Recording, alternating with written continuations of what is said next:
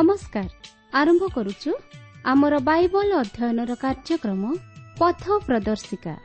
ପବିତ୍ର ବାଇବଲ କହେ ତୁମ୍ଭେ ସର୍ବାନ୍ତକରଣ ସହିତ ସଦାପ୍ରଭୁଙ୍କଠାରେ ବିଶ୍ୱାସ କର ଓ ନିଜ ସୁବିବେଚନାରେ ଆଉଜି ପଡ଼ ନାହିଁ। ଆପଣାର ସବୁ ଗତିରେ ତାହାଙ୍କୁ ସ୍ୱୀକାର କର। ତହିଁରେ ସେ ତୁମ୍ଭର ପଥ ସବୁ ସରଳ କରିବେ। ଆସନ୍ତୁ ସେହି ପଥ ପ୍ରଦର୍ଶକଙ୍କର ସନ୍ଧାନ ପାଇବା ନିମନ୍ତେ ଶୁଣିବା ବେତାର କାର୍ଯ୍ୟକ୍ରମ ପଥ ପ୍ରଦର୍ଶିକା।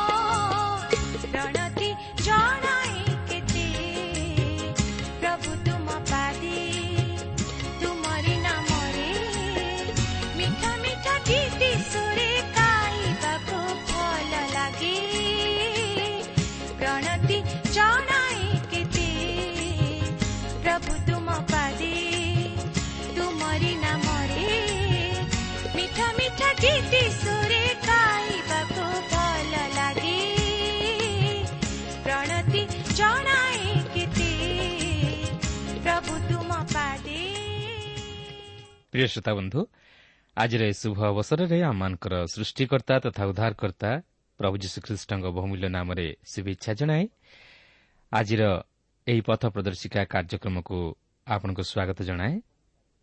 ଆପଣଙ୍କର ସହଯୋଗ ନିମନ୍ତେ ବିଶେଷ ଧନ୍ୟବାଦ। ଆପଣ ଏହି କାର୍ଯ୍ୟକ୍ରମର ଜଣେ ନିୟମିତ ଶ୍ରୋତା ଜାଣିବା ବିଶେଷ ଖୁସି କେବଳ ସେତିକି ନୁହେଁ ଆପଣ ନିଜେ ଏହି କାର୍ଯ୍ୟକ୍ରମ ଶୁଣିବା ସଙ୍ଗେ ସଙ୍ଗେ ଅନ୍ୟମାନଙ୍କୁ ଶୁଣାଇବାରେ ଉତ୍ସାହିତ କରୁଥିବାର ଜାଣି ଆମେ ବିଶେଷ ଆନନ୍ଦିତ। ପ୍ରଭୁ ଆପଣଙ୍କୁ ଆଶୀର୍ବାଦ କରନ୍ତୁ ଆହୁରି ଆହୁରି ଆତ୍ମିକ ଜୀବନରେ ବର୍ଦ୍ଧିଷ୍ଣୁ କରାନ୍ତୁ ଆପଣଙ୍କର ପ୍ରାର୍ଥନାର ଅନୁରୋଧ ରକ୍ଷା କରି ଆମେ ମଧ୍ୟ ଆପଣଙ୍କ ନିମନ୍ତେ ପ୍ରାର୍ଥନା କରୁଅଛୁ ଆଉ ସେହି ପ୍ରଭୁ ଯୀଶୁ ନିଶ୍ଚିତ ଭାବରେ ଆପଣଙ୍କର ସମସ୍ୟା ସମାଧାନ କରିବେ ଆସନ୍ତୁ ତାହେଲେ ପ୍ରଭୁଙ୍କର ବାକ୍ୟ ମଧ୍ୟକୁ ଯିବା ପୂର୍ବରୁ ସଂକ୍ଷେପରେ ପ୍ରାର୍ଥନା କରିବା ପବିତ୍ର ପ୍ରଭୁ ତୁମର ପବିତ୍ର ନାମର ଧନ୍ୟବାଦ କରୁଅଛି ସୁନ୍ଦର ସମୟ ପାଇଁ ସୁନ୍ଦର ସୁଯୋଗ ପାଇଁ ତୁମର ଜୀବନ୍ତ ବାକ୍ୟ ପାଇଁ ପ୍ରଭୁ ଆମେ ଜାଣୁ ତୁମେ ଆମମାନଙ୍କର ଜୀବିତ ଈଶ୍ୱର ତୁମେ ଆମମାନଙ୍କର ପ୍ରତିଜ୍ଞାନ ବିଶ୍ୱସ୍ତ ପରମେଶ୍ୱର ତୁମର ବାକ୍ୟ ଅନୁଯାୟୀ ପ୍ରଭୁ ତୁମେ ଆମମାନଙ୍କ ଜୀବନରେ ତୁମର ସେ ଶକ୍ତିର କାର୍ଯ୍ୟ ସାଧନ କରିଅଛ ଆଜି ଅନେକ ଶ୍ରୋତାବନ୍ଧୁମାନଙ୍କୁ ମଧ୍ୟ ତୁମେ ସୁସ୍ଥତା ଦେଇଅଛ ଅନେକ ଶ୍ରୋତାବନ୍ଧୁମାନଙ୍କର ପ୍ରାର୍ଥନା ତୁମେ ଶୁଣିଅଛ ଉତ୍ତର ଦେଇଅଛ ବୋଲି ତୁମର ଧନ୍ୟବାଦ କରୁଅଛ ପ୍ରଭୁ ଆହୁରି ମଧ୍ୟ ଶ୍ରୋତାବନ୍ଧୁମାନେ ଅଛନ୍ତି ଯେଉଁମାନେ କି ପ୍ରଭୁ ଆଜି ମଧ୍ୟ ତୁମର ଆଶୀର୍ବାଦ ଓ ସାହାଯ୍ୟର ଅପେକ୍ଷାରେ ଅଛନ୍ତି ପ୍ରଭୁ ତୁମେ ପ୍ରତ୍ୟେକଙ୍କୁ ଆଶୀର୍ବାଦ କରି ପ୍ରତ୍ୟେକଙ୍କର ମନସ୍କାମନା ତୁମେ ପୂର୍ଣ୍ଣ କର। ପ୍ରତ୍ୟେକଙ୍କୁ ଆତ୍ମିକ ଜୀବନରେ ବର୍ଦ୍ଧିଷ୍ଣୁ କରାଅ। ଆଜିର ଏହି କାର୍ଯ୍ୟକ୍ରମ ମଧ୍ୟ ଦେଇ ତୁମେ ଆମମାନଙ୍କର ସହିତରେ କଥା କୁହ। ତୁମର ପବିତ୍ର ଉପସ୍ଥିତି ଆମମାନଙ୍କୁ ଉପଲବ୍ଧି କରିବା ପାଇଁ ଦିଅ। ଏହି ସମସ୍ତ ପ୍ରାର୍ଥନା ଆମମାନଙ୍କର ଉଦ୍ଧାରକର୍ତ୍ତା ଜୀବିତ ପୁନରୁଦ୍ଧିତ ପ୍ରିୟ ପ୍ରଭୁ ଯୀଶୁଙ୍କ ନାମରେ ଏହି ଅଳ୍ପ ଭିକ୍ଷା ମାଗୁଅଛୁ।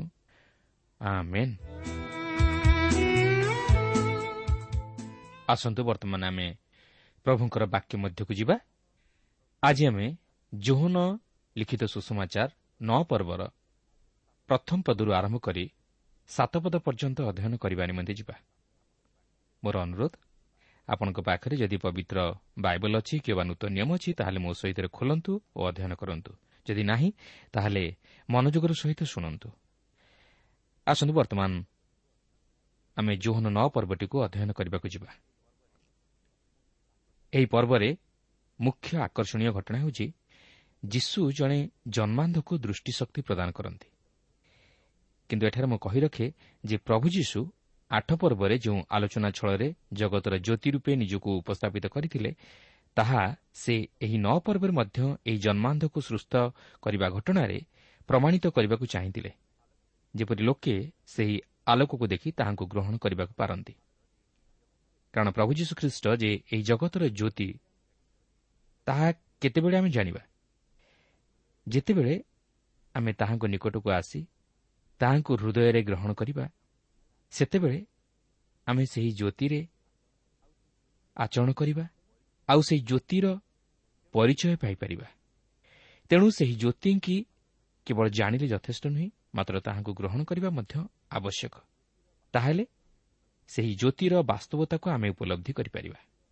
ତେଣୁ ଏହି ଜନ୍ମାନ୍ଧକୁ ଯୀଶୁ ସୁସ୍ଥତା ଦେବାରେ ଆମକୁ ଏହି ଶିକ୍ଷା ଦେବାକୁ ଚାହାନ୍ତି ଯେ ଆମେ ଯେପରି ସେହି ଜ୍ୟୋତି ନିକଟକୁ ଯାଇ ତାହାଙ୍କଠାରେ ବିଶ୍ୱାସ କରି ଆମର ଆତ୍ମିକ ଅନ୍ଧତାକୁ ଦୂର କରୁ ଓ ସେହି ଜ୍ୟୋତିଙ୍କୁ ଗ୍ରହଣ କରୁ।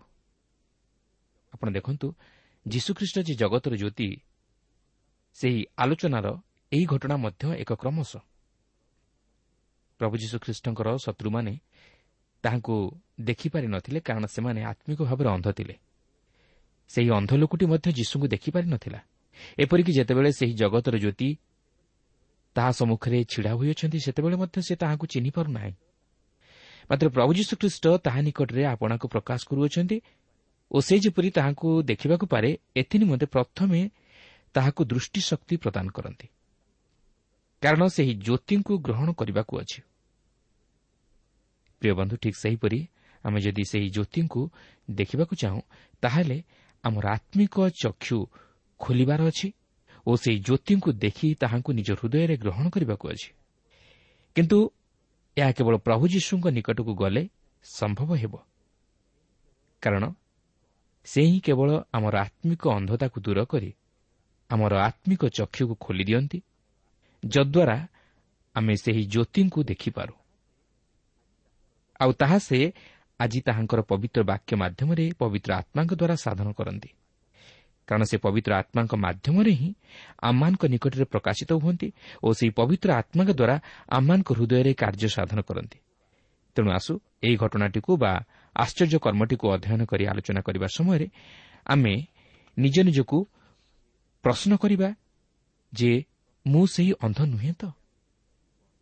କିନ୍ତୁ ଯଦି ଆମେ ନିଜକୁ ଅନ୍ଧ ବୋଲି ବିଚାର ନ କରୁ ତାହେଲେ ନିଜକୁ ପ୍ରଶ୍ନ କରୁ ମୁଁ କ'ଣ ସେହି ଜ୍ୟୋତିଙ୍କୁ ଦେଖିପାରିଛି କି? ଯଦି ଦେଖିପାରିଛି ତାହେଲେ ମୁଁ କ'ଣ ସେହି ଜ୍ୟୋତିଙ୍କୁ ଗ୍ରହଣ କରିପାରିଛି କି? ନା ମୁଁ ନିଜର ଆତ୍ମଧାର୍ମିକତାରେ ଅନ୍ଧ ହୋଇ ରହିଅଛି। ତେବେ ଆସନ୍ତୁ ବର୍ତ୍ତମାନ ସେହି ଘଟଣା ପ୍ରତି ଦୃଷ୍ଟି ଦେବା। ଦେଖନ୍ତୁ ନଅ ପର୍ବର ପ୍ରଥମ ଦୁଇ ପଦରେ ଏହିପରି ଲେଖା ଅଛି ସେ ଯାଉଥିବା ସମୟରେ ଜଣେ ଜନ୍ମାନ୍ଧକୁ ଦେଖିଲେ। ଆଉ ତାହାଙ୍କ ଶିଷ୍ୟମାନେ ତାହାଙ୍କୁ ପଚାରିଲେ ହେ ଗୁରୁ କିଏ ପାପ କରିବାରୁ ଏ ଅନ୍ଧ ହୋଇ ଜନ୍ମ ହେଲା? ନିଜେ ନା ଏହାର ବାପା ମା? ଆପଣ ଲକ୍ଷ୍ୟ କରିବେ ଯେତେବେଳେ ସେହି ଜୁହୁରୀମାନେ ତାହାଙ୍କ ଉପରକୁ ପଥର ଫୋପାଡ଼ିବାକୁ ଉଦ୍ୟତ ହେଲେ ସେତେବେଳେ ସେ ମନ୍ଦିରରୁ ବାହାରିଗଲେ ଓ ପଥ ମଧ୍ୟରେ ଯାଉଥିବା ସମୟରେ ଜଣେ ଜନ୍ମାନ୍ଧକୁ ଦେଖୁଛନ୍ତି। କିନ୍ତୁ ଏହି ଦେଖିବା ମଧ୍ୟରେ ଅନେକ କିଛି ପାର୍ଥକ୍ୟତା ଆମେ ଲକ୍ଷ୍ୟ କରୁଅଛୁ। ଶିଷ୍ୟମାନେ ସେହି ଜନ୍ମାନ୍ଧକୁ ଦେଖିବା ଓ ଯୀଶୁଙ୍କର ଦେଖିବା ମଧ୍ୟରେ ଭିନ୍ନତା ଥିଲା। କାରଣ ସେ ହେଉଛନ୍ତି ଜଗତର ଜ୍ୟୋତି। ଆଉ ସେ ଚାହିଁଥିଲେ ଯେପରି ଅନ୍ଧ ସେହି ଜ୍ୟୋତିକୁ ଦେଖିବାରୁ ବଞ୍ଚିତ ନ ହେଉ ବା ସେହି ଜ୍ୟୋତିକୁ ଗ୍ରହଣ କରିବାରୁ ବଞ୍ଚିତ ନ ହେଉ। କାରଣ ଏଥିପୂର୍ବରୁ ସେ ସେହି ଜ୍ୟୋତି ବିଷୟ ନେଇ ଶିକ୍ଷା ଦେଉଥିଲେ ଓ ତାହାଙ୍କ ମନରେ ସେହି ବିଷୟ ହିଁ ସ୍ଥାନ ପାଇଥିଲା ଯେପରି ସେହି ଜ୍ୟୋତିକୁ ପ୍ରତ୍ୟେକ ଜାଣି ଗ୍ରହଣ କରନ୍ତୁ। ତେଣୁକରି ସେ ଏଠାରେ ନିଜକୁ ଜ୍ୟୋତି ସ୍ୱରୂପେ ପ୍ରମାଣିତ କରିବାକୁ ଚାହିଁଥିଲେ ଜଣେ ଜନ୍ମାନ୍ଧକୁ ଦୃଷ୍ଟିଶକ୍ତି ଦେବା ଦ୍ୱାରା। ସେ ଏଠାରେ ଜଣେ ଜନ୍ମାନ୍ଧକୁ ଚିହ୍ନ ସ୍ୱରୂପେ ବ୍ୟବହାର କରିଥିଲେ। କିନ୍ତୁ ଏଠାରେ ଲକ୍ଷ୍ୟ କରିବେ ଶିଷ୍ୟମାନେ ସେହି ଜନ୍ମାନ୍ଧକୁ ଦେଖିବା ଦ୍ୱାରା ସେମାନଙ୍କ ମନରେ ବିଭିନ୍ନ ପ୍ରକାର ପ୍ରଶ୍ନ ତଥା ସନ୍ଦେହ ଜାତ ହୋଇଛି ଓ ସେମାନେ ଭାବୁଛନ୍ତି ବୋଧହୁଏ ତାହାର ନିଜ ପାପ ହେତୁ ହେଉ ବା ତାହାର ବାପା ମା'ଙ୍କ ପାପ ହେତୁ ହେଉ ସେ ଏହିପରି ଜନ୍ମରୁ ଅନ୍ଧ ହୋଇ ଜନ୍ମ ହୋଇଅଛି। କାରଣ ଏପରି ଭାବିବା ପଛରେ ମୁଖ୍ୟତଃ ଚାରୋଟି କାରଣ ଥାଇପାରେ। ପ୍ରଥମତଃ ସେହି ସମୟରେ ଅନେକ ଦେବପୂଜକ ଲୋକମାନେ ଭାବୁଥିଲେ ଯେ ମନୁଷ୍ୟ ତା'ର ପୂର୍ବଜନ୍ମରେ ଯେଉଁପରି ଭାବରେ ପାପ କରିଥାଏ ତହିଁର ପ୍ରତିଫଳ ତା'ର ପରଜନ୍ମରେ ଭୋଗ କରେ ଯାହାକି ଆଜି ମଧ୍ୟ ଅନେକ ଲୋକ ସେହିପରି ଭାବନ୍ତି। କିନ୍ତୁ ଜିହୁଦୀ ଲୋକମାନେ ଏହିପରି ମତକୁ ଗ୍ରହଣ କରୁନଥିଲେ। କାରଣ ତାହା ଭାବିବା ମଧ୍ୟ ଠିକ୍ ନୁହେଁ। କାରଣ ମଣିଷ ମଲା ପରେ ଆଉଥରେ ପୁଣି ଜନ୍ମଲାଭ କରେ ନାହିଁ। ଦ୍ୱିତୀୟ କାରଣଟି ହେଲା ଯେ ଅନେକ କହନ୍ତି ପିତାମାତାଙ୍କର ପାପ ନେଇ ସେମାନଙ୍କର ସନ୍ତାନଗଣ ତୃତୀୟ ଓ ଚତୁର୍ଥ ପୁରୁଷ ପର୍ଯ୍ୟନ୍ତ ସେହି ପାପର ପ୍ରତିଫଳ ଭୋଗ କରନ୍ତି। ଯାହାକି ଯାତ୍ରା ପୁସ୍ତକ କୋଡ଼ିଏ ପର୍ବର ପାଞ୍ଚ ପଦରେ ଉଲ୍ଲେଖ ହୋଇଅଛି। ଆଉ ଏହା ମଧ୍ୟ ସତ୍ୟ। ତୃତୀୟରେ ଅନେକ ଭାବନ୍ତି ଯେ ଆଦମଙ୍କର ପାପ ପ୍ରତ୍ୟେକ ମନୁଷ୍ୟ ଜାତିର ପରିବାର ମଧ୍ୟକୁ ପ୍ରବେଶ କରିଅଛି ଯାହାଫଳରେ ପ୍ରତ୍ୟେକ ମନୁଷ୍ୟ ସେହି ରୋଗ ଓ ମୃତ୍ୟୁର ସମ୍ମୁଖୀନ ହୋଇଥାନ୍ତି। ଏବଂ ଶେଷରେ ଯେଉଁଦୀମାନେ ବିଶ୍ୱାସ କରୁଥିଲେ ଯେ ଜଣେ ଶିଶୁ ସନ୍ତାନ ତା'ର ମା'ର ଗର୍ଭରେ ଥାଇ ମଧ୍ୟ ପାପ କରିପାରେ। କିନ୍ତୁ ଏହା ଅତି ଭ୍ରାନ୍ତ ଧାରଣା ଓ ଅନ୍ଧବିଶ୍ୱାସ। ତେବେ ଏହି ପ୍ରକାରେ ସେହି ସମୟରେ ଚାରୋଟି ମତବାଦ ନେଇ ଲୋକେ ସେହି ଜନ୍ମାନ୍ଧ ବ୍ୟକ୍ତି ବିଷୟରେ ମଧ୍ୟ ଚିନ୍ତା କରୁଥିବେ। ତେଣୁ ଶିଷ୍ୟମାନେ ଯୀଶୁଙ୍କୁ ପ୍ରଶ୍ନ କରୁଛନ୍ତି କିଏ ପାପ କରିବାରୁ ଏ ଅନ୍ଧ ହୋଇ ଜନ୍ମ ହେଲା? ନିଜେ? ନା ଏହାର ବାପା ମା' ତେବେ ଶିଷ୍ୟମାନେ ଯଦିଓ ଶାସ୍ତ୍ର ଅନୁଯାୟୀ ଚିନ୍ତା କରି ଯୀଶୁଙ୍କୁ ସେହି ଜନ୍ମାନ୍ଧ ବ୍ୟକ୍ତିର ବିଷୟ ନେଇ ପ୍ରଶ୍ନ କରିଥିଲେ ମାତ୍ର ତାହା ମଧ୍ୟ ଠିକ୍ ନଥିଲା। କିନ୍ତୁ ଲକ୍ଷ୍ୟ କରନ୍ତୁ ଯୀଶୁ ଏଠାରେ ଶିଷ୍ୟମାନଙ୍କୁ କିପରି ଉତ୍ତର ଦେଉଛନ୍ତି। ନଅ ପର୍ବର ତିନି ପଦରୁ ପାଞ୍ଚ ପଦ ମଧ୍ୟରେ ଏହିପରି ଲେଖା ଅଛି ଯୀଶୁ ଉତ୍ତର ଦେଲେ ଏ କିମ୍ବା ଏହାର ବାପା ମା ପାପ କଲେ ନାହିଁ। କିନ୍ତୁ ଈଶ୍ୱରଙ୍କ କର୍ମ ଯେପରି ଏହାଠାରେ ପ୍ରକାଶିତ ହୁଏ ଏଥିନିମନ୍ତେ ଏହା ଘଟିଅଛି। ଦିନ ଥାଉଁ ଥାଉଁ ମୋହର ପ୍ରେରଣକର୍ତ୍ତାଙ୍କ କର୍ମ କରିବା ଆମମାନଙ୍କ କର୍ତ୍ତବ୍ୟ। ଯେଉଁ ସମୟରେ କେହି କର୍ମ କରିପାରେ ନାହିଁ ଏପରି ରାତ୍ରି ଆସୁଅଛି। ମୁଁ ଯେପର୍ଯ୍ୟନ୍ତ ଜଗତରେ ଅଛି ସେ ପର୍ଯ୍ୟନ୍ତ ମୁଁ ଜଗତର ଜ୍ୟୋତି। ପ୍ରିୟ ବନ୍ଧୁ ଏହି ଅଂଶରେ ଆପଣ ଦେଖିବେ ପ୍ରଭୁ ଯୀଶୁ ଏଠାରେ ସେମାନଙ୍କ ପ୍ରଶ୍ନର ଉତ୍ତର ଦେବାକୁ ଯାଇ ସେହି ଲୋକର ପାପ କି ତାହାର ପିତାମାତାଙ୍କ ପାପ ହେତୁ ସେ ଏହିପରି ଜନ୍ମରୁ ଅନ୍ଧ ହୋଇ ଜନ୍ମିଅଛି? ମାତ୍ର ସେ କହନ୍ତି ଈଶ୍ୱରଙ୍କ କର୍ମ ଯେପରି ଏହାଠାରେ ପ୍ରକାଶିତ ହୁଏ ଏଥିନିମନ୍ତେ ଏହିପରି ଘଟିଅଛି। ଅର୍ଥାତ୍ ଈଶ୍ୱରଙ୍କ ମହିମା ଯେପରି ଏହି ଲୋକ ଦ୍ୱାରା ପ୍ରକାଶିତ ହୁଏ ଏଥିନିମନ୍ତେ ଏହି ଲୋକ ଜନ୍ମରୁ ଅନ୍ଧ ହୋଇ ଜନ୍ମିଅଛି। ପ୍ରକୃତରେ ଅନେକ ସମୟରେ ଆମେ ଭାବୁ ଯେ ମନୁଷ୍ୟ କେବଳ ନିଜ ପାପ ନିମନ୍ତେ ଦୁଃଖ ରୋଗବ୍ୟାଧି ତଥା ସମସ୍ୟା ମଧ୍ୟ ଦେଇ ଗତି କରେ। କିନ୍ତୁ ତାହା ପ୍ରତ୍ୟେକଙ୍କ କ୍ଷେତ୍ରରେ ସମାନ ନୁହେଁ। ଅନେକ ସମୟରେ ଈଶ୍ୱରଙ୍କ ମହିମା ଯେପରି ପ୍ରକାଶିତ ହୁଏ ଏଥିନିମନ୍ତେ ଏହିପରି ଘଟିଥାଏ। ହଁ ମନୁଷ୍ୟ ଯଦି ବା ନିଜର ପାପ ଅପରାଧ ନିମନ୍ତେ ଅନେକ ସମସ୍ୟା ଦୁଃଖ ତଥା ରୋଗବ୍ୟାଧି ମଧ୍ୟ ଦେଇ ଜୀବନ ଅତିବାହିତ କରେ ତଥାପି ତାହା ମଧ୍ୟ ଈଶ୍ୱରଙ୍କ ଗୌରବ ନିମନ୍ତେ ଘଟିଥାଏ। ତେଣୁ ମନୁଷ୍ୟ ଏହିପରି ବିଚାର କରିବା ବା ଭାବିବା ଠିକ୍ ନୁହେଁ। କାରଣ ଈଶ୍ୱରଙ୍କ ଯୋଜନା କିଏ ବୁଝିପାରେ? କାରଣ ଈଶ୍ୱର ତାହାଙ୍କର ମହତ ଅଭିମତ ନେଇ ମନୁଷ୍ୟ ଜୀବନରେ ତାହା ସବୁ ଘଟାଇଥାନ୍ତି ଯେପରି ଈଶ୍ୱରଙ୍କ ମହିମା ସେହି ଲୋକର ଜୀବନ ଦ୍ୱାରା ପ୍ରକାଶିତ ହୁଏ। ତେବେ ସେହି ମହିମା କ'ଣ? ଯେପରି ସେହି ଅନ୍ଧ ଲୋକଟି ପ୍ରଭୁ ଯୀଶୁଙ୍କ ଦ୍ୱାରା ଦୃଷ୍ଟିଶକ୍ତି ପ୍ରାପ୍ତ ହୋଇ ତାହାଙ୍କୁ ଦେଖେ ଓ ଉଦ୍ଧାରକର୍ତ୍ତା ରୂପେ ଗ୍ରହଣ କରେ ଓ ଅନ୍ୟମାନଙ୍କ ନିକଟରେ ଈଶ୍ୱରଙ୍କ ମହତ୍ କର୍ମର କଥା ପ୍ରଚାର କରେ। ଏହି ଅଂଶରେ ଦେଖନ୍ତୁ ଯୀଶୁ ନିଜକୁ ମୁଁ ଜଗତର ଜ୍ୟୋତି ରୂପେ ପ୍ରକାଶ କରନ୍ତି। କାରଣ ସେ ସେହି ଜନ୍ମାନ୍ଧକୁ ଦୃଷ୍ଟିଶକ୍ତି ଦେଇ ତାହାର ଆତ୍ମିକ ଅନ୍ଧତାକୁ ଦୂର କରିବାକୁ ଯାଉଅଛନ୍ତି। ସେ ନିଜର କାର୍ଯ୍ୟ ଦ୍ୱାରା ଏଠାରେ ନିଜକୁ ଜ୍ୟୋତି ରୂପେ ପ୍ରମାଣିତ କରିବାକୁ ଯାଉଅଛନ୍ତି।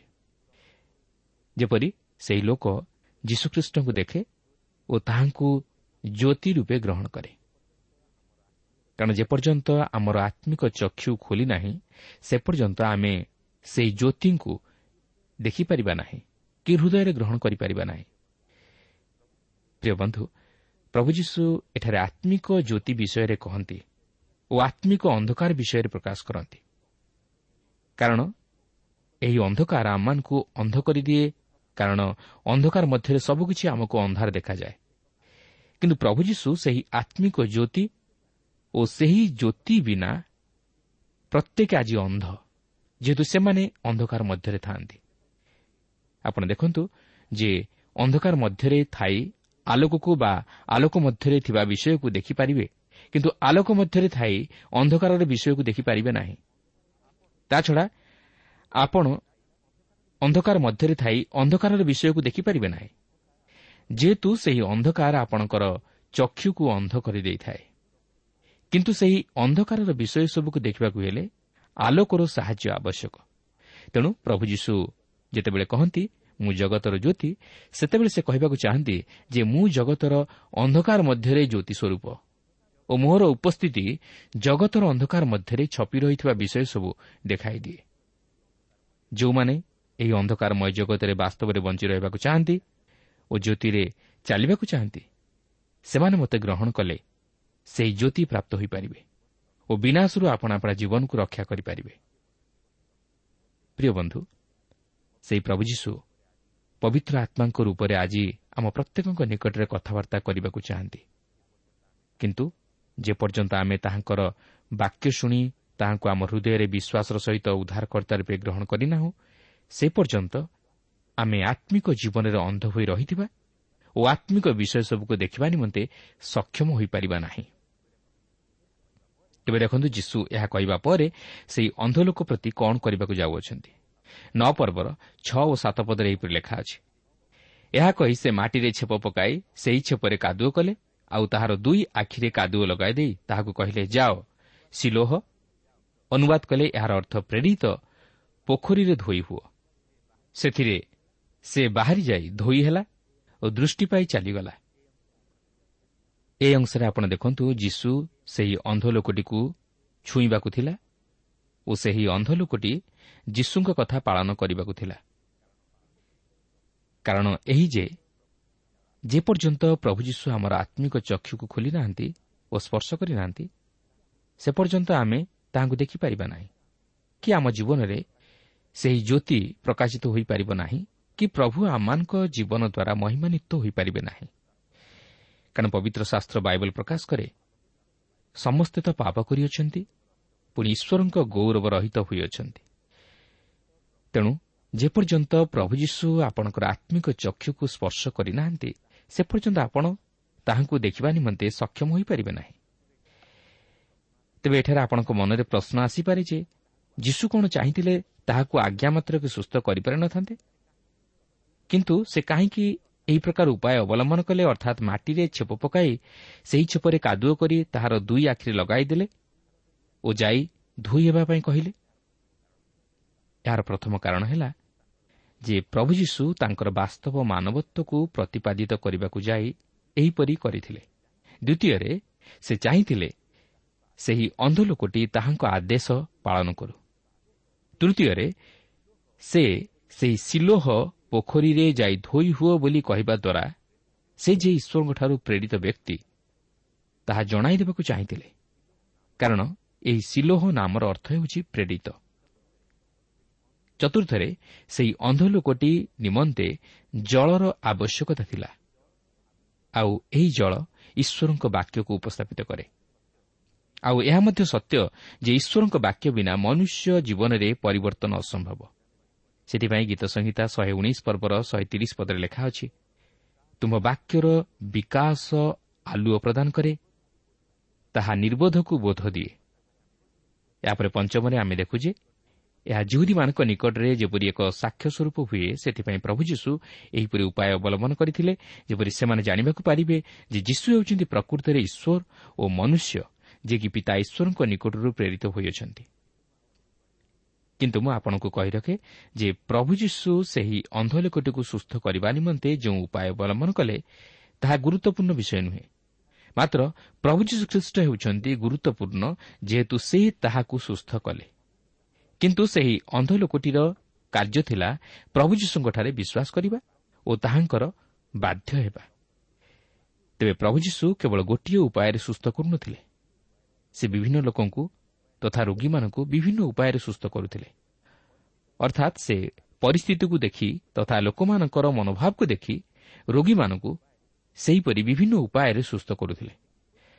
ମାତ୍ର ସେ କିପରି ସୁସ୍ଥ କରୁଥିଲେ ତାହା ଉପରେ ଆଲୋଚନା କରି ଯୁକ୍ତି କରିବା ଠିକ୍ ନୁହେଁ। ମାତ୍ର ସେ ଯେ ପ୍ରକୃତିରେ ସୁସ୍ଥ କରୁଥିଲେ ତାହା ଜାଣିବା ବିଶେଷ ଗୁରୁତ୍ୱପୂର୍ଣ୍ଣ ବିଷୟ। ତେବେ ସେ ଯାହା ହେଉନା କାହିଁକି ଏଠାରେ ଆମକୁ ଏକ ଗୁରୁତ୍ୱପୂର୍ଣ୍ଣ ଶିକ୍ଷା ମିଳେ ଯେ ଆମେ ଯେପରି ପ୍ରଭୁ ଯୀଶୁଖ୍ରୀଷ୍ଟଙ୍କର ନିକଟବର୍ତ୍ତୀ ହୋଇ ତାହାଙ୍କଠାରେ ବିଶ୍ୱାସ କରି ଓ ତାହାଙ୍କର ବାକ୍ୟର ବାଧ୍ୟ ହୋଇ ଯେପରି ନିଜର ଆତ୍ମିକ ଅନ୍ଧତାରୁ ସୁସ୍ଥ ହୋଇ ଯୀଶୁଖ୍ରୀଷ୍ଟଙ୍କୁ ଦେଖିବାକୁ ପାରୁ ଓ ତାହାଙ୍କର ଜ୍ୟୋତିରେ ଚାଲି ଅନ୍ଧକାର ଜଗତ ମଧ୍ୟରେ ତାହାଙ୍କର ଆଲୋକ ଅନ୍ୟମାନଙ୍କ ନିକଟରେ ପ୍ରକାଶ କରୁ ଯଦ୍ୱାରା ଆମମାନଙ୍କ ଜୀବନ ଦ୍ୱାରା ଈଶ୍ୱର ମହିମାନିତ ହୋଇପାରିବେ। ଏହିଠାରେ ମୁଁ ସେହି ଅନ୍ଧଲୋକଟିର ଜୀବନ ସହିତ ଆମମାନଙ୍କର ଆତ୍ମିକ ଜୀବନର ସ୍ଥିତିକୁ ତୁଳନା କରି ଦେଖାଇବାକୁ ଚାହେଁ ଯେ ଆଜି ଆମମାନଙ୍କର ଆତ୍ମିକ ଜୀବନର ସ୍ଥିତି ମଧ୍ୟ ଠିକ୍ ସେହି ଅନ୍ଧଲୋକ ପରି ହୋଇଅଛି। ଦେଖନ୍ତୁ ସେଦିନ ସେହି ଅନ୍ଧଲୋକଟିର ସ୍ଥିତି ଏହିପରି ଥିଲା। ପ୍ରଥମତଃ ସେ ମନ୍ଦିରର ବାହାରେ ଥିଲା ଯାହାକି ସେ ଈଶ୍ୱରଙ୍କ ସହଭାଗିତା ମଧ୍ୟରୁ ଦୂରରେ ଥିଲା। ଆଉ ତାହା ହିଁ ଆଜି ଆମମାନଙ୍କର ଆତ୍ମିକ ଜୀବନର ସ୍ଥିତି। ଆମେ ଈଶ୍ୱରଙ୍କ ସହଭାଗିତାରୁ ଦୂରରେ ରହିଛୁ। ଆଜି ଆମେ ଈଶ୍ୱରବିହୀନ ଜୀବନଯାପନ କରୁଅଛୁ। ଦ୍ୱିତୀୟରେ ସେହି ବ୍ୟକ୍ତିଟି ଅନ୍ଧ ଥିଲା ଓ ସେ ଉଦ୍ଧାରକର୍ତ୍ତାଙ୍କୁ ଦେଖିବା ନିମନ୍ତେ ଅସମର୍ଥ ଥିଲା।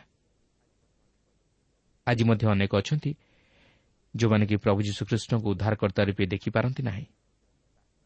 କାରଣ ସେମାନଙ୍କର ଆତ୍ମିକ ଚକ୍ଷୁ ଅବିଶ୍ୱାସ ହେତୁ ଅନ୍ଧ ହୋଇଯାଇଛି।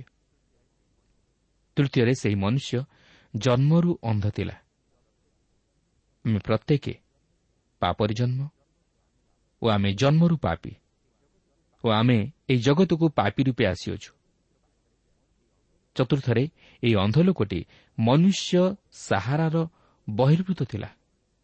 ଅର୍ଥାତ୍ ତାହାକୁ ସୁସ୍ଥ କରିବା ବା ସାହାଯ୍ୟ କରିବା ମନୁଷ୍ୟର ଶକ୍ତିର ବହିର୍ଭୂତ ଥିଲା। ଆଉ ଠିକ୍ ସେହିପରି ଏହି ଜଗତରେ ଯୀଶୁଙ୍କ ବ୍ୟତୀତ ଆମକୁ କେହି ହେଲେ ପାପରୁ ଉଦ୍ଧାର କରିପାରିବେ ନାହିଁ। କାରଣ ଏହା ମନୁଷ୍ୟର ବହିର୍ଭୂତ। ପଞ୍ଚମରେ ସେ ଜଣେ ଭିକ୍ଷୁକ ଥିଲା। ଅର୍ଥାତ୍ ସେ ସେହି ପରିଚାଳନା ପାଇବା ନିମନ୍ତେ ଭିକାରୀ ହୋଇ ପଡ଼ି ରହିଥିଲା। ପ୍ରିୟ ବନ୍ଧୁ ଆଜି ଯଦି ଆମେ ନିଜକୁ ଭିକାରୀ ସ୍ୱରୂପେ ସେହି ପରିତ୍ରାଣ ପାଇବା ନିମନ୍ତେ ଈଶ୍ୱରଙ୍କ ନିକଟରେ ହାତ ପାତୁ ତାହେଲେ ଆମେ ନିଶ୍ଚୟ ପରିଚାଳନାର ଅଧିକାରୀ ହେବା କାରଣ ପରିଚାଳନା ହେଉଛି ଈଶ୍ୱରଙ୍କର ଅନୁଗ୍ରହ ଦାନ ଯାହା ସେ ପ୍ରଭୁ ଯୀଶୁଖ୍ରୀଷ୍ଟଙ୍କ ମାଧ୍ୟମରେ ଆମକୁ ପ୍ରଦାନ କରନ୍ତି। ଷଷ୍ଠରେ ଆମେ ଦେଖୁ ଯେ ସେହି ଅନ୍ଧ ଲୋକଟି ଯୀଶୁଙ୍କ ନିକଟରେ କିଛି ଜଣାଇ ନଥିଲା କାରଣ ସେ ଯୀଶୁଙ୍କୁ ଜାଣିନଥିଲା ମାତ୍ର ଯୀଶୁ ତାହା ନିକଟକୁ ଆସି ତାହାକୁ ସ୍ପର୍ଶ କରି ତାହାଙ୍କର ପରିଚୟ ଦେଲେ। ପ୍ରିୟ ବନ୍ଧୁ ସେହିପରି ପ୍ରଭୁ ଯୀଶୁ ଆଜି ଆପଣଙ୍କ ନିକଟକୁ ଆସି ଆପଣଙ୍କୁ ତାଙ୍କର ପରିଚୟ ଦିଅନ୍ତି କିନ୍ତୁ ଆପଣ ତାହାକୁ ଖୋଜନ୍ତି ନାହିଁ କି ତାହାକୁ ଗ୍ରହଣ କରିବାକୁ ଚାହାନ୍ତି ନାହିଁ। ସପ୍ତମରେ କେହି ହେଲେ ତାହାକୁ ଦୟା କରୁନଥିଲେ କାରଣ ସମସ୍ତେ ଭାବୁଥିଲେ ଯେ ସେ ନିଜର ପାପ ହେତୁ ଏହିପରି ଦଣ୍ଡଭୋଗ କରୁଅଛି। ଏପରିକି ଶିଷ୍ୟମାନେ ମଧ୍ୟ ସେହିପରି ଭାବୁଥିଲେ। ମାତ୍ର ଜଣେ ତାହା ପ୍ରତି ଦୟା ପ୍ରକାଶ କଲେ ସେ ହେଲେ ପ୍ରଭୁ ଯୀଶୁଖ୍ରୀଷ୍ଟ। ସେ ତାହାକୁ ସୁସ୍ଥତା ଦେଲେ ଓ ସେ ଖ୍ରୀଷ୍ଟଙ୍କୁ ଦେଖିବା ନିମନ୍ତେ ସକ୍ଷମ ହୋଇପାରିଲା ଓ ସେହି ଜ୍ୟୋତି ଗ୍ରହଣ କଲା। ପ୍ରିୟ ବନ୍ଧୁ ଚିନ୍ତା କରି ଦେଖନ୍ତୁ ଆପଣଙ୍କ ଆତ୍ମିକ ଜୀବନର ପରିସ୍ଥିତି ସେହି ଅନ୍ଧଲୋକ ପରି ହୋଇନାହିଁ ତ? ଯଦି ସେପରି ହୋଇଥାଏ ତାହେଲେ ଆଜି ମଧ୍ୟ ସମୟ ଅଛି। ନିଜର ଆତ୍ମିକ ଅନ୍ଧତାକୁ ଦୂର କରିବାକୁ ଚେଷ୍ଟା କରନ୍ତୁ ଓ ଯୀଶୁଖ୍ରୀଷ୍ଟଙ୍କର ନିକଟବର୍ତ୍ତୀ ହୋଇ ତାହାଙ୍କଠାରେ ବିଶ୍ୱାସ କରନ୍ତୁ ଓ ସେ ତାହାଙ୍କ ବାକ୍ୟ ଦ୍ୱାରା ଆପଣଙ୍କୁ ଯାହା କରିବାକୁ କହନ୍ତି ତାହା କରନ୍ତୁ ଓ ସେହି ବାକ୍ୟ ରୂପ ଜଳରେ ଧୌତ ହୋଇ ଏକ ନୂତନ ଜୀବନର ନୂତନ ଶାନ୍ତି ଓ ଆନନ୍ଦର ସ୍ୱାଦକୁ ଚାଖନ୍ତୁ ଓ ସେହି ଜ୍ୟୋତିରେ ଚାଲିବାକୁ ଚେଷ୍ଟା କରନ୍ତୁ। ଅର୍ଥାତ୍ ଖ୍ରୀଷ୍ଟଙ୍କୁ ନିଜ ହୃଦୟରେ ଗ୍ରହଣ କରି ତାହାଙ୍କୁ ନିଜ ଜୀବନରେ ଚଲାପଥରେ ସାଥୀ କରନ୍ତୁ। ତାହେଲେ ଆପଣଙ୍କର ଆତ୍ମିକ ଚକ୍ଷୁ ଦିନକୁ ଦିନ ପ୍ରସନ୍ନ ହେବ ଓ ଆପଣ ଖ୍ରୀଷ୍ଟଙ୍କର ବାସ୍ତବ ଜ୍ୟୋତିକୁ ଦେଖିବା ନିମନ୍ତେ ସମର୍ଥ ହୋଇପାରିବେ। ତେବେ ଆଜି ପାଇଁ ସମୟ ହୋଇଯାଇଥିବାରୁ ଏହି ଜୋହନ ନଅ ପର୍ବର ସାତ ପଦରେ ଆମର କାର୍ଯ୍ୟକ୍ରମ ସ୍ଥଗିତ ରଖିବା। କିନ୍ତୁ ଏଠାରେ ମୁଁ ଆପଣଙ୍କୁ କହି ରଖେ ଯେ ମନୁଷ୍ୟ ଆପଣଙ୍କୁ ପାପି ବୋଲି କହି ଘୃଣା କରିପାରେ। ମାତ୍ର ଯୀଶୁ ଆପଣଙ୍କୁ ପ୍ରେମ କରନ୍ତି ଓ ସେ ଆପଣଙ୍କୁ ପାପରୁ ଉଦ୍ଧାର କରି। ଆପଣଙ୍କୁ ଜଗତ ସାକ୍ଷାତରେ ଏକ ସାକ୍ଷୀ ରୂପେ ବ୍ୟବହାର କରିବାକୁ ଚାହାନ୍ତି ଓ ଆପଣଙ୍କ ଜୀବନ ଦ୍ୱାରା ତାହାଙ୍କର ମହିମା ପ୍ରକାଶ କରିବାକୁ ଚାହାନ୍ତି। କିନ୍ତୁ ଆପଣଙ୍କୁ ଗୋଟିଏ ବିଷୟ କରିବାକୁ ହେବ ଆପଣଙ୍କୁ ତାହାଙ୍କ ଉପରେ ବିଶ୍ୱାସ କରି। ତାହାଙ୍କ ଆଦେଶକୁ ପାଳନ କରିବାକୁ ହେବ। ତାହେଲେ ଆପଣଙ୍କ ଜୀବନ ଦ୍ୱାରା ସେ ତାହାଙ୍କର ମହତ ଅଭିମତ ସାଧନ କରିବେ। ପ୍ରିୟ ବନ୍ଧୁ ମୁଁ ଜାଣେ ନା ଆପଣଙ୍କର ଆତ୍ମିକ ଜୀବନର ପରିସ୍ଥିତି କେଉଁ ପ୍ରକାର ଭାବେ ଅଛି। କିନ୍ତୁ ମୋର ଦୃଢ଼ ବିଶ୍ୱାସ ଆଇ ଯଦି ଆପଣ ପ୍ରଭୁ ଯୀଶୁଙ୍କ ନିକଟକୁ ଫେରିଆସନ୍ତି ଓ ତାହାଙ୍କ ନିକଟରେ ନିଜର ସମସ୍ତ ପାପ ସ୍ୱୀକାର କରନ୍ତି। ତାହେଲେ ସେ ଆପଣଙ୍କୁ ପାପରୁ ଉଦ୍ଧାର କରି ଆପଣଙ୍କୁ ସେହି ପରିତ୍ରାଣର ଅଧିକାରୀ କରାଇବେ ଓ ଆପଣ ସେହି ଅନନ୍ତ ଜୀବନର ଅଧିକାରୀ ହୋଇପାରିବେ ଓ ଆପଣଙ୍କର ସେହି ଆତ୍ମିକ ଅନ୍ଧତା ଦୂର ହୋଇଯିବ। ପ୍ରଭୁ ଆମ ପ୍ରତ୍ୟେକଙ୍କୁ ଏହି ସଂକ୍ଷିପ୍ତ ଆଲୋଚନା ମଧ୍ୟ ଦେଇ ଆଶୀର୍ବାଦ କରନ୍ତୁ।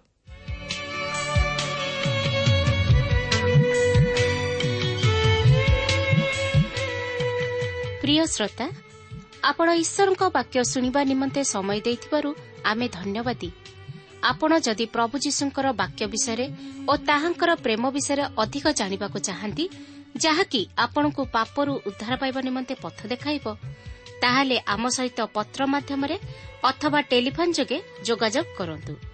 ଆମର ଠିକଣା ପଥ ପ୍ରଦର୍ଶିକା trans world radio India post box number ତିନି ତିନି ଭୁବନେଶ୍ୱର ସାତ ପାଞ୍ଚ ଏକ ଶୂନ ଶୂନ ଏକ mobile number nine seven double seven double two one four one five ଠିକଣାଟି ଆଉଥରେ ଶୁଣନ୍ତୁ ପଥ ପ୍ରଦର୍ଶିକା trans world radio India post box number three three Bhubaneswar seven five one zero zero one mobile number nine seven double seven double two one four one five ଆମର email ଆଡ୍ରେସଟି ଲେଖି ରଖନ୍ତୁ Odia T T V at radio eight eight two dot com ତେବେ ଆଜି ପାଇଁ ଏଇଠାରେ ରଖୁଛୁ। ପ୍ରଭୁ ଯୀଶୁ ଆପଣଙ୍କୁ ଆଶୀର୍ବାଦ କରନ୍ତୁ। ନମସ୍କାର।